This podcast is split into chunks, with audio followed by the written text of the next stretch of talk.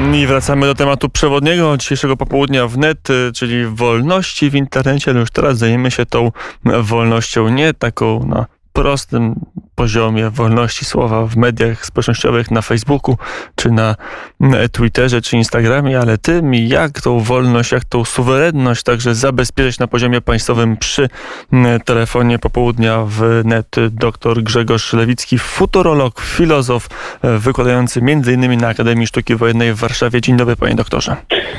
Dzień dobry panu, dzień dobry państwu. O godzinie 16.10 gościem był Marek Zagórski, był minister cyfryzacji, a po likwidacji tegoż ministerstwa e, sekretarz stanu, czyli minister w kancelarii premiera, który także za cyfryzację cały czas odpowiada. No i dla pana ministra e, to, co się stało chociażby z kontem Donalda Trumpa, ale także z kilkoma innymi kontami na mediach e, społecznościowych, to jest jednak jakaś cezura, że od tej pory e, na big tech i na e, kwestie wolności w internecie trzeba patrzeć inaczej. A co dla pana ta sytuacja oznaczała i jak ona się w Pana planach i w Panach projekcjach przyszłości odnajduje? Dla mnie ta sytuacja e, rzeczywiście jest bardzo istotna. Może nie dla mnie osobiście, bo ona pokazuje pewien trend, który e, tak czy inaczej wyszedłby prędzej czy później.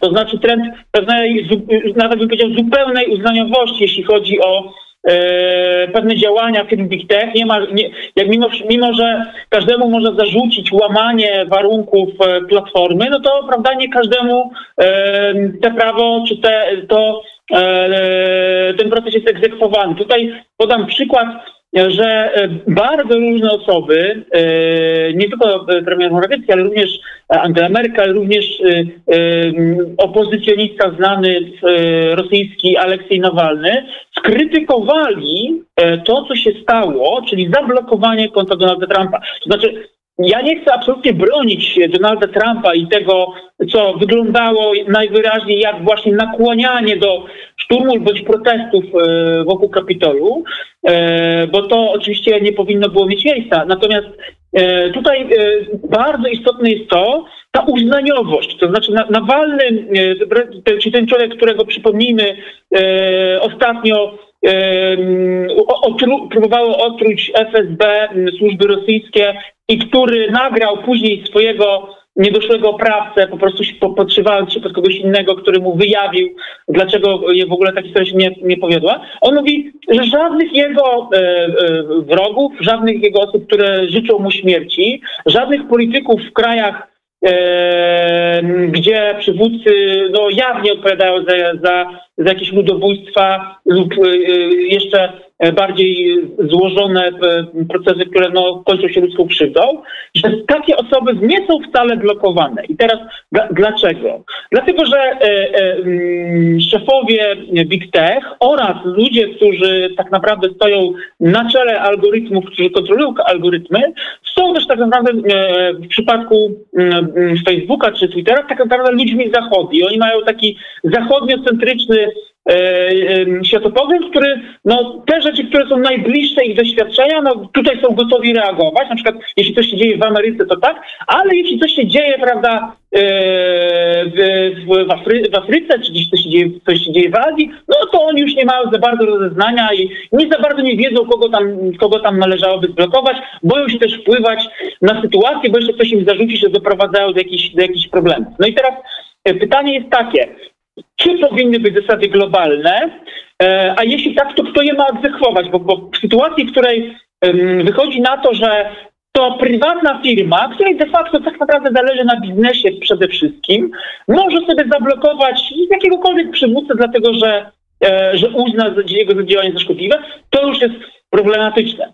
E, tam ewidentnie, panie redaktorze, ktoś nie pomyślał. To znaczy, były dwa zjawiska. Jedno zjawisko to było zjawisko stary wilk opuszcza watachę e, i dlatego, żeby przypodobać się nowemu, któremu wcześniej podpadliśmy, no to tego starego wilka przykładnie ukażemy. Dokładnie tak to wyglądało. Przypomnijmy, że e, że przez długi czas demokraci zarzucali republikanom, że właśnie, że, czy też w ogóle Wittechowi, że w ogóle nie cenzuruje pewnych, pewnych działań w internecie. Pojawiły się koncepcję właśnie rozdziału nawet firm, podziału firm, żeby nie miały tak wielkiego wpływu na świat. No i, no i teraz e, niejako zadośćuczyniając za to, e, gdy wiadomo, że Donald Trump już odchodzić nie będzie po raz e, e, kolejny prezydentem, no to mówiąc kolokwialnie, można mu dokopać, bo już nam więcej nic nie zrobi. I tak to zostało odebrane nie tylko przez jego zwolenników, ale też przez inne osoby. Stąd no mówię, cała gama liderów globalnych była krytyczna wobec tego, co się stało. I teraz co można zrobić? Co się powinno zrobić? To znaczy nie powinno się tak robić, że najpierw Big Tech chowa głowę w piasek, a później prawda, strzelić do problemu ze strzelby i od razu wyjmuje armatę i po prostu rozwala wszystko naokoło, bo rozwali też zaufanie do, e, do, do, e, do mediów społecznościowych, co też będzie miało swoje konsekwencje. Można było zrobić inaczej, to znaczy postawić bardziej na kontrolę algorytmów, ale nie poszczególnych osób, tylko poszczególnych czynów. Czyli na przykład jeśli wykrywamy, nasi moderatorzy wykrywają, że coś złego się dzieje, no to na przykład dana osoba dostaje ostrzeżenie, jej informacja jest blokowana albo o, o, o, jakimś opisem, e, że to jest tam niezgodne z prawdą, czy coś podobnego, a na przykład jeśli danej osoby, osobie uzbiera się na przykład, nie wiem, 5, 10, 20 50 takich e, wypowiedzi na przykład w roku albo w ogóle, no to wtedy eskalujemy i mm, dajemy kolejny poziom restrykcji. To było dobre rozwiązanie, a nie blokada, która przyszła zupełnie arbitralnie. I teraz w tym aspekcie, w tym kierunku dokładnie chce pójść Unia Europejska. E, teraz e, Unia Europejska rozważa to ona będzie wprowadzona z, z takimi lub czy, czy, innymi zmianami, dyrektywę e-commerce, czyli dwie regulacje e, Digital Services Act i Digital Market. I one właśnie pójdą w tym kierunku takiego stopniowania e, prawda, kar za pewne, e, pewne, pewne nadużycia. To znaczy w pierwszej kolejności, e, tylko że to paradoksalnie e, to będą kary dla firm Big Tech. To znaczy, jeśli firmy Big Tech będą łamać pewne zasady, będzie na przykład zmuszać się je, że w danym roku złamaliście jakieś zasady, które Unia od was wymagała, no to oddajecie nam 10% obrotów w Europie. I to zaboli, to uderzy po kieszeni.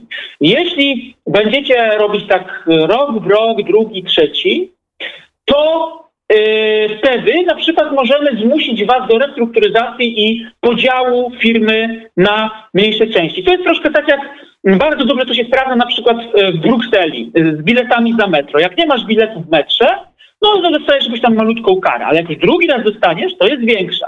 Trzeci raz to jest jeszcze większa i tak dochodzimy do pewnego poziomu, kiedy naprawdę już e, chyba, chyba, przepraszam, troszkę pomyliłem, chyba za pierwszym razem tylko jest za, zapisanie, że obywatel e, zrobił źle. Natomiast tu chodzi o tą stopniowalność. Teraz e, to jest dobry krok, w którym trzeba iść. Ja się osobiście cieszę, że E, Polska, nie wiem co dokładnie chce zrobić, ale że Polska próbuje w jakiś sposób tutaj e, pewne rzeczy zasugerować czy podrzucić, bo często jest tak, że no, przywództwo państw wykuwa się w sytuacjach niewiadomych. Tak jak kiedyś pewna, pewna mm, dyplomatyczna wojna z Big Tech i Donaldem Trumpem pokazała przywództwo prezydenta Francji. Tak teraz inne kraje też mogą próbować coś dołożyć tutaj w tej debacie od siebie, pokazując, że mają ciekawe rozwiązania. Jeszcze wracając do samego Big Techu, ewidentnie jakieś regulacje muszą być. Europa w pierwszej kolejności, później Kanada, to są kraje zachodu, które nie mają za bardzo nic do stracenia, ponieważ nie mają żadnej firmy Big Tech, która generuje im lwią część dochodów w gospodarce.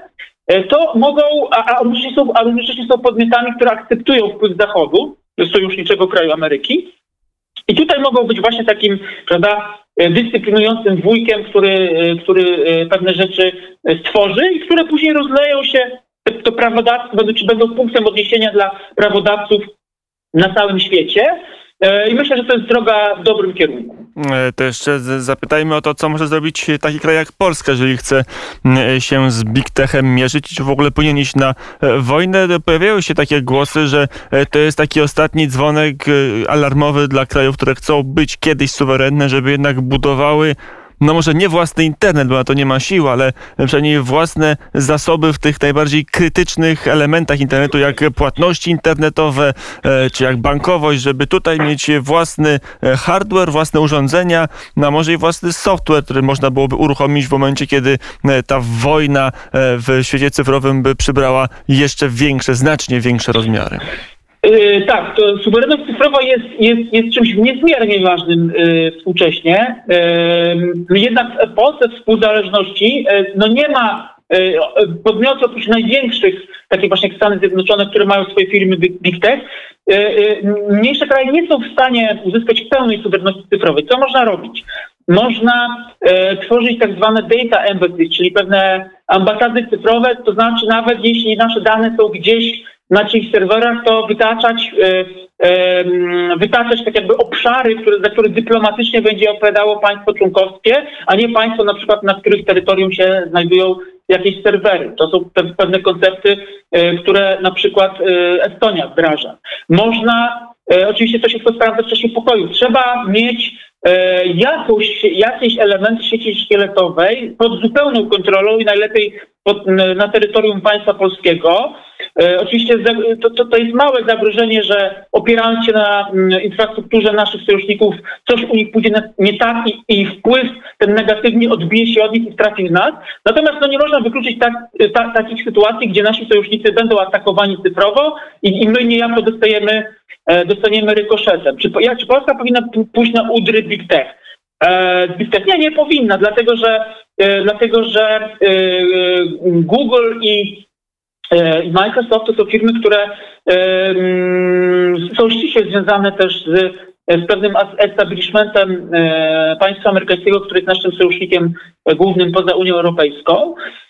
To, co Polska powinna robić, to znaczy Polska powinna aktywnie współuczestniczyć w tworzeniu prawa unijnego. To znaczy, niejednokrotnie jest tak, że nasze doradztwo w sprawach, które są no, niewiadome de facto, E, no, mogłoby wejść na pusty grunt, gdzie jeszcze nic nie jest zagospodarowane i w pewien sposób byśmy um, ustalili prawo, czy pomogli ustalać prawo zgodnie z naszym polskim interesem narodowym. Um, samemu e, samemu dzia działanie też jest ważne, ale tylko w takich przypadkach właśnie, kiedy byłoby naprawdę e, do, dochodziłoby do kluczowych naruszeń bezpieczeństwa narodowego, na przykład gdyby było takie ryzyko, a ono właśnie niedawno wzrosło, notabene, że na przykład e, naszego premiera, czy naszego prezydenta, czy naszą komunikację strategiczną w Polsce e, można by było tak łatwo zablokować, tak? E, więc, więc tutaj, tutaj a, z drugiej strony przecież no nie chcemy brać odpowiedzialności za pewne, no nie wiem, czasami działania, które mogą się okazać zbyt radykalne. Najlepiej robić to poprzez Unię europejską, tutaj można powiedzieć trochę makiawelicznie, bo wtedy zawsze można powiedzieć, e, no to, no to nie my zrobiliśmy, to Unia zrobiła. My po prostu jesteśmy członkiem Unii i mamy takie prawo, bo, bo Unia wprowadziła. Tak, tak bardzo, notabene, tak bardzo często e, robią nasi zachodni sojusznicy, czyli Niemcy. To znaczy e, e prezentują swoje własne e, jakieś ustalenia jako, e, jako ustalenia ogólnoeuropejskie, no to co, co niejednokrotnie zamyka dyskusje na dane tematy. Nie zmienia to faktu, że Polska jako kraj przyjazny Big Tech, ale wymagający zwiększenia bezpieczeństwa danych i zwiększenia bezpieczeństwa kontroli informacji w ramach suwerenności cyfrowej, którą ma Polska,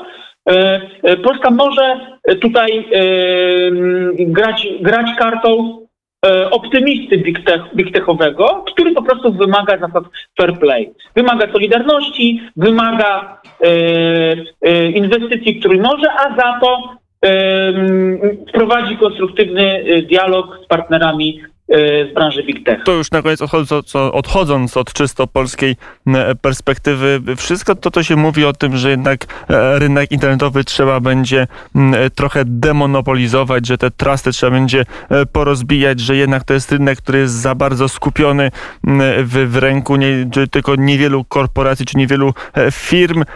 To jest w ogóle możliwe, czy w ogóle da się internet podzielić, porozszywać tak, aby tam była realna konkurencja? Yy, to znaczy zależy o jakim, o którym internecie mówimy, bo obecnie obserwujemy fragmentację internetu yy, na, yy, na, na pisałem o tym wielokrotnie w mediach, z moich wyliczeń wynika, że prawda, mamy osiem cywilizacji, trzy internety, czyli zachodni, rosyjski, chiński. Chiński się obecnie zlewa, jeśli chodzi o infrastrukturę z rosyjskim, więc mamy de facto, można powiedzieć, dwa internety. Jeden, na którym dominuje Zachód, drugi, w którym dominują Chiny. Chiny obecnie jeszcze bardziej się uzależniają od, od, od, od internetu E, zachodniego, mm, projektując swój protokół taki analogiczny do TCP/IP, czyli jakby nowy standard technologii, który e, posłużyłby do łączenia się z internetem. To już jest takie zupełne odcięcie się takim na, na podstawie, prawda, nawet samego kodowania, ale nawet samego protokołu. No nie, tutaj się przewodzi, to ja bardziej myślę o takich firmach e, Big Tech e, z Doliny Krzemowej i takich e, nawiązań, bo ja wiem, do kolei, które też były kiedyś prywatne w Stanach, a potem zostały upaństwowione, bo były zbyt ważne, bo i takie pomysły padają w przestrzeni publicznej. Tutaj problem jest tego typu, że, że e, glob ma, Ziemię mamy jedną, to jest jedna kulka, na której są, prawda, na której są po prostu różne podmioty. E, I problem jest, można powiedzieć, natury teoriobrowej. To znaczy, mamy jeden podmiot, czyli Chiny, które, y, które mają podmioty Big Tech, będące pozornie prawda, prywatne, ale tak naprawdę zupełnie y, zależne od, y, od rządu. I dzięki temu jakby Big, e, Big Tech jest pod kontrolą rządu. I teraz ja, ja rozumiem, że, że na Zachodzie też by było, e, jakby z kolei rząd mówi, że nie możemy dopuścić do tego, żeby była tak wielka koncentracja. Tylko z jednej strony podzielenie, to, to jest paradoks, bo tu trzeba wyważyć dwie rzeczy. Z jednej strony podzielenie e, firm Big Tech może skutkować zmniejszeniem ich konkurencyjności. Co zresztą sam Big Tech mówi, że nie, nie, nie możemy pewnych rzeczy zrobić, bo, bo po prostu spadniemy w konkurencyjności, będziemy mniej konkurencyjni niż firmy chińskie, no i w efekcie nie tylko my upadniemy jako Big Tech, ale wy jako Stany Zjednoczone, jako państwo też upadniecie, bo, bo tak jak oni potrafią kontrolować informacje, my, my E, przestaniemy móc kontrolować informacje. I teraz, e, teraz, e, teraz więc, więc jakby to jest paradoks. A z drugiej strony mamy jednak zagrożoną wolność i widzimy, że pewne zachowania są skandaliczne. Stąd co trzeba zrobić? No, no ano zrobić to, co po II wojnie światowej e, zrobiono, żeby utrzymać pokój.